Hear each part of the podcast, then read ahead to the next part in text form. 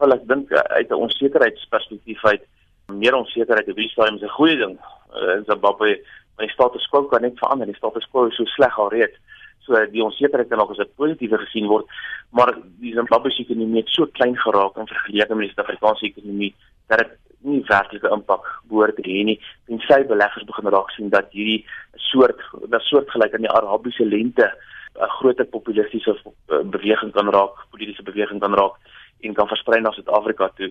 Weereens omdat die status quo reeds so negatief is, kan hierdie dalk 'n positiewe uitwerking op in die mark is dit is positief ervaar en hulle kan nog 'n positiewe uitkoms antisipeer. Uh, jy weet iets soos ehm um, meneer Zuma wat dalk geforseer word om te bedank as gevolg van populistiese druk.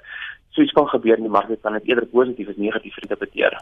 Maar in die algemeen enige onstabiliteit in die Suider-Afrikaanse ontwikkelingsgemeenskapstreek, het dit 'n impak op buurlande van van lande waar die probleme is.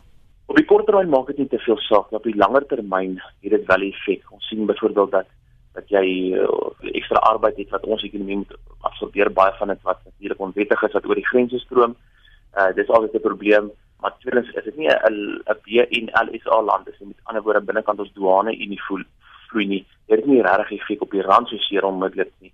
En natuurlik die bene alles so lande Botswana, Namibia, Lesotho, Suid-Afrika en Swaziland en uh die ander buurlande sin uh, is meer 'n langer termyn effek. Hulle is nie deel van ons douane unie nie. Wat kan hierdie langtermyn effek wees?